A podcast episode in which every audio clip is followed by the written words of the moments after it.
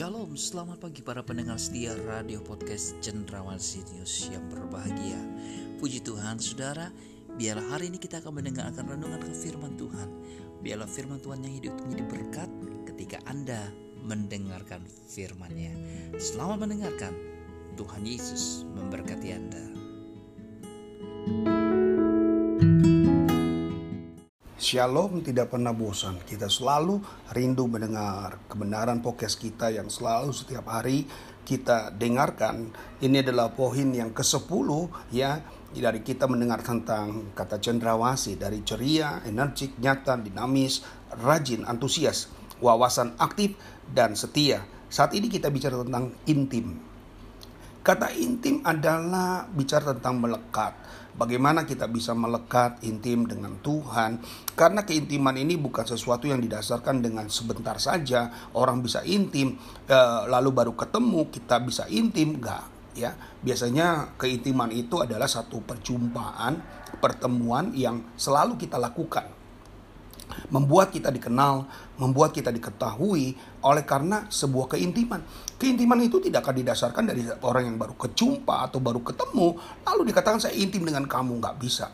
Ya biasanya yang seperti itu uh, bohong ya, nggak ada yang namanya keintiman itu didasarkan pada pertemuan yang sementara ataupun yang sebentar. Kalau kita mau intim dengan Tuhan, artinya kita mau melekat terus ada dalam hadiratnya, ada di dalam uh, pelayanan, pekerjaannya. Ini yang harus kita lakukan. Eh, banyak orang yang sering kali berkata, saya intim dengan Tuhan, saya lakukan ini, saya lakukan itu. Lalu pertanyaannya adalah bagaimana kehidupan dia? Apakah kehidupan dia menjadi orang yang punya corak seperti yang kita harapkan, orang yang intim dengan Tuhan? Jangan-jangan intim dia hanya kata-kata saja. Banyak orang yang lip sync ya, hanya ada di mulut saja. Tetapi tidak berlaku di hati mereka. Kalau kita inti bukan hanya hati, tapi pikiran kita, perbuatan kita, perkataan kita juga menjadikan sebuah contoh yang baik. Nah, kalau kita lihat dalam Yohanes 15 ayat 15 dikatakan demikian. Aku tidak lagi menyebut kamu hamba, karena hamba tidak tahu apa yang dilakukan oleh tuannya. Akan tetapi, aku menyebut kamu sahabat, karena semua aku dengar dari Bapa, aku memberitahukannya kepadamu.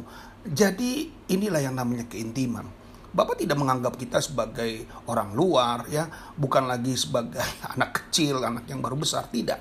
Tetapi kita menganggap dia adalah seorang sahabat yang baik. Nah, beribadah dan pertemuan orang percaya bersekutu dengan Tuhan itu berbeda.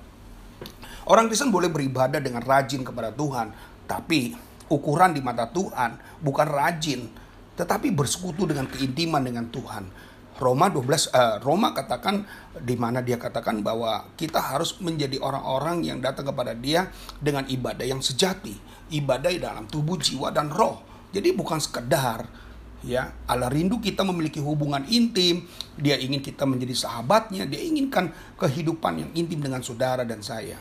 Kalau ditanya seorang remaja, kepada siapa dia lebih jujur? Ternyata jawabannya dia bukan jujur hanya bukan kepada adiknya, bukan kepada saudara perempuannya atau saudara laki-lakinya, atau juga kepada orang tua, atau juga kepada pendetanya. Tidak. Seorang anak-anak remaja, dia akan lebih intim dengan anak remaja yang lain, sahabatnya. Jadi, kalau mau tahu tentang anak kita, temannya akan lebih tahu daripada orang tuanya. Maka oleh karena itu, Tuhan hari ini bukan sekedar hanya memberikan ayat Yohanes 15 15 bahwa dia mau menjadi sahabat ternyata memang betul orang lebih banyak jujur atau banyak terbuka ya keterbukaan uh, bukan dengan orang tua atau bukan dengan adik ataupun dengan kakaknya tapi dengan sahabatnya dia lebih tahu kesukaannya dia sudah tahu kekurangannya kelebihannya maka tidak heran kalau Tuhan inginkan dirinya menjadi sahabat buat kita Amos 3.7 dikatakan apa? Hanya orang dekat dengan Tuhan saja yang mengerti isi hati, pikiran, dan kerinduannya. Hubungan intim lahir, akan lahir perkara-perkara yang besar. Karena kita intim, uh, sesuatu yang buat nggak mungkin menjadi mungkin. Kenapa? Karena seorang sahabat itu bisa menaruh harap kepada temannya sampai apa pun yang dia boleh lakukan. Dia bisa berani mati buat saudara, berani berkorban buat saudara.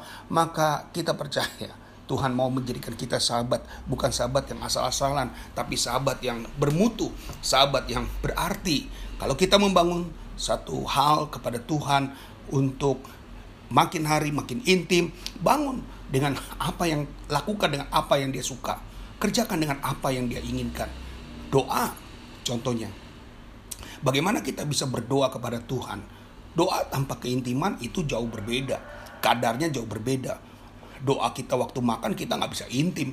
Doa bangun pagi kita nggak bisa intim. Tapi waktu kita doa merenungkan bagaimana baiknya Tuhan dalam kehidupan kita baiknya Allah kita dalam kehidupan saudara semuanya tentunya Bapak Ibu akan mengalami rasa yang berbeda. Orang yang merasakan keintiman Bagaimana seorang pasangan dia berani berkorban apa saja demi pasangannya karena dia apa, memiliki yang namanya keintiman. Seseorang yang tidak mengalami keintiman, dia tidak akan pernah mau melakukan yang lebih besar dari apa yang dia bisa harapkan. Kenapa? Karena dia takut. Orang-orang yang sedemikian, maka kita harus berdiri dengan siapa kita mengikat diri kita. Kenapa Tuhan mau mengikat kita satu roh dengan dia? Kenapa dia mau mengikatkan dirinya dengan saudara dan menyatu dengan saudara? Ya, ini adalah sebuah bukti dari keintiman. Orang yang intim dengan Tuhan, dia bisa melakukan apa saja, saudara. Banyak kerap kali kita mau intim dengan Tuhan, kita mau dekat dengan Tuhan, tapi nyata-nyatanya enggak. Keintiman bukan hanya dalam bicara saja, ngobrol bukan. Keintiman dengan Tuhan adalah bicara tentang bagaimana kita menempatkan suasana yang benar di hadapan Tuhan memberikan suasana hati kita dengan Tuhan dengan tulus, ya, bukan dengan kepura-puraan. Karena keintiman itu gak bisa dibohongi, nggak bisa ditipu, dan nggak bisa juga sementara. Orang yang intim dia akan selalu menaruh harap pada temannya dengan baik. Ya, kalau kita lihat kalau orang-orang intim punya ciri, ya yaitu dia punya kehausan akan Allah itu ciri orang yang intim dengan Tuhan. Dia antusias dengan Allah dan hatinya selalu bersuka cita dengan Allah itulah yang harus dibangun. Kalau kita ingin melekat dalam hadirat Tuhan tetapi kita nggak punya antusias kita nggak punya sukacita kita kehilangan kehausan dengan Allah sepertinya yang biasa-biasa saja rasanya ini akan gagal. Maka oleh karena itu jangan karena tantangan karena banyak masalah eh, keintiman kita menjadi berkurang keintiman tidak akan berkurang. Justru ada masalah, dukungan akan lebih banyak. Kenapa? Karena ada intim. Kalau saudara punya keintiman, sepertinya saudara tidak harus mencari berlomba-lomba, susah payah akan orang-orang tersebut, tapi saudara akan selalu ada bantuan-bantuan secara khusus yang datang dengan orang yang intim dengan dia. Mari kita bangun keintiman dengan Tuhan supaya apa saja yang menjadi problem dalam kehidupan kita. Dunia ini sudah susah, kalau kita biarkan tambah susah apa yang kita harus lakukan? Ya kita punya satu keintiman dengan Tuhan. Firman Tuhan sendiri, uh, lagu pujian bilang begini, hanya dekat Allah saja aku menjadi tenang daripada nyala kes, hilang keselamatanku. Jadi kalau kita intim dengan dekat dengan Tuhan, intim dengan Tuhan, hidup menjadi mudah, hidup menjadi gampang. Jalan kita akan jadi selalu uh, mudah ditebak dan mudah ditempuh. Kemudahan kita inilah yang menjadi keuntungan. Orang boleh beramai-ramai kehilangan minyak goreng ya saat ini, tapi bukan berarti kita kehilangan sukacita ya mungkin ini saatnya kita harus kehilangan.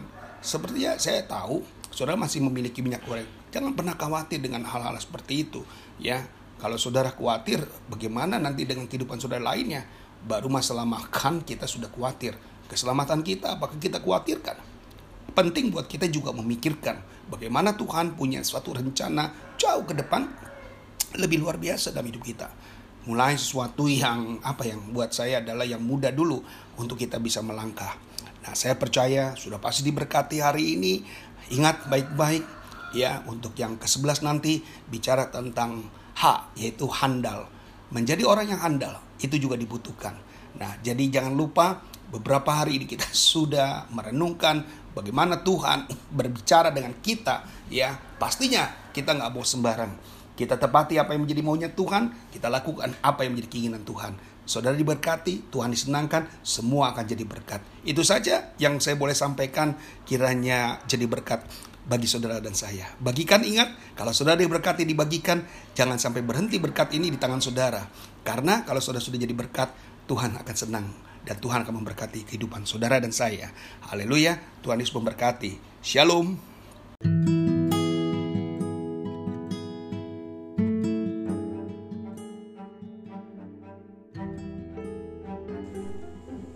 Terpujilah bagi nama Tuhan. Melalui renungan hari ini, Anda diberkati Tuhan. Dalam suka maupun duka, di atas gunung atau di lembah, dalam tangis ataupun tawa, dalam berkat maupun percobaan. Tuhan Yesus selalu ada di sana, menemani dan tak pernah meninggalkan Anda. Sampai jumpa. Tuhan Yesus memberkati Anda.